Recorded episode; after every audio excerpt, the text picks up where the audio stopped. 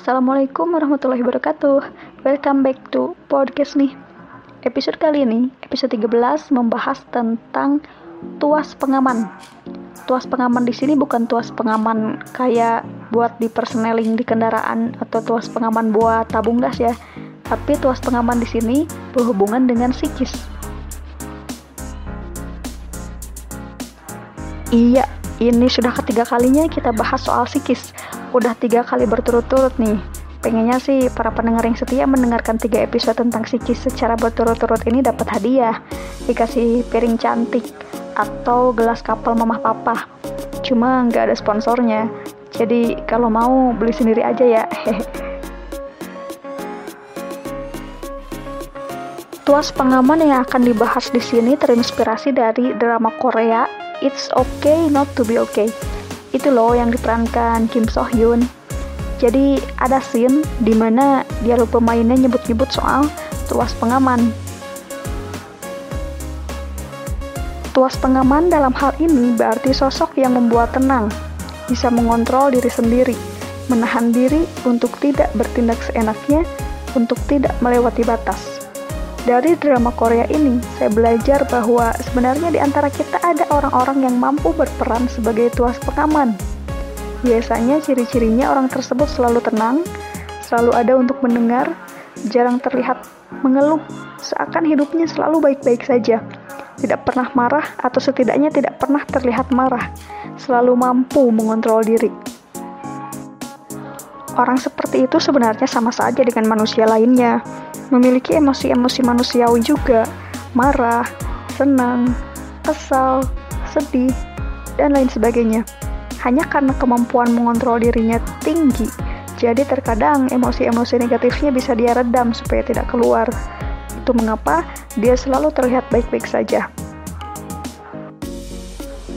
Tapi tipe orang seperti ini sekali emosi negatifnya keluar akan sangat menyeramkan dan di luar dugaan karena emosi negatif itu adalah akumulasi emosi yang selama ini ditahannya agar tidak keluar. Maka penting untuk tidak memancing orang-orang seperti ini. Saya sendiri menggunakan kata tuas pengaman ini sebagai istilah untuk menyebut alat kontrol diri. Dan menurut hasil pengamatan saya, sebenarnya setiap orang memiliki tuas pengaman dalam dirinya. Cuma intensitasnya berbeda-beda. Dan pengalaman hidup terutama di masa kecil, sangat mempengaruhi tuas pengaman ini. Kalau kita masih merasa belum mampu mengontrol emosi, belum bisa menguasai diri, artinya kita belum menyadari keberadaan tuas pengaman itu. Dan karena kamu sedang mendengarkan podcast ini, berarti kamu sudah mengetahui bahwa ada tuas pengaman dalam diri kamu. Ini saatnya untuk mengaktifkannya. Di antara cara untuk dapat mengaktifkan dan mengendalikan tuas pengaman yang ada dalam diri kita. Pertama, perbanyaklah berpuasa. Puasa atau saum kan artinya menahan. Menahan diri dari berbagai hal yang bisa membatalkan puasa. Dan di antara faedahnya, kita juga jadi mampu untuk lebih menguasai diri dan mengontrol emosi. Kedua, bertemanlah, bergabunglah, berkumpullah dengan orang-orang soleh, orang-orang baik, orang-orang yang memberikan dampak positif, orang-orang yang mendekatkan kita kepada Tuhan. Perilaku atau sikap itu menular loh. Itu mengapa memilih pergaulan itu penting. Ketiga, cobalah untuk lebih peka terhadap kehidupan sosial.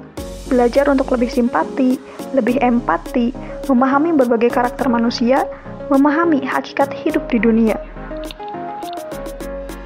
Last but not least, ingatlah bahwa marah tak akan menyelesaikan masalah, hanya membuat diri kita lelah. Islam mengajarkan jika kita marah, duduklah. Belum mempan, berbaringlah. Masih belum mempan, berwudulah. Saya biasanya menarik nafas panjang untuk mengendalikan amarah, lalu menghembuskannya sambil berkata, sabar, sabar, sambil mengelus dada. Di kelas tadabur Quran juga diajarkan, ucaplah ta'awud, ta'awudhu billahi rojim saat ingin marah, agar Allah melindungi kita dari godaan setan, sehingga insya Allah terhindar dari hal-hal yang tidak diinginkan. Itulah bahasan soal tuas pengaman. Semoga bermanfaat. Jangan lupa diamalkan. Yuk bisa yuk. Rani Syahreza podcast nih. Wassalamualaikum warahmatullahi wabarakatuh.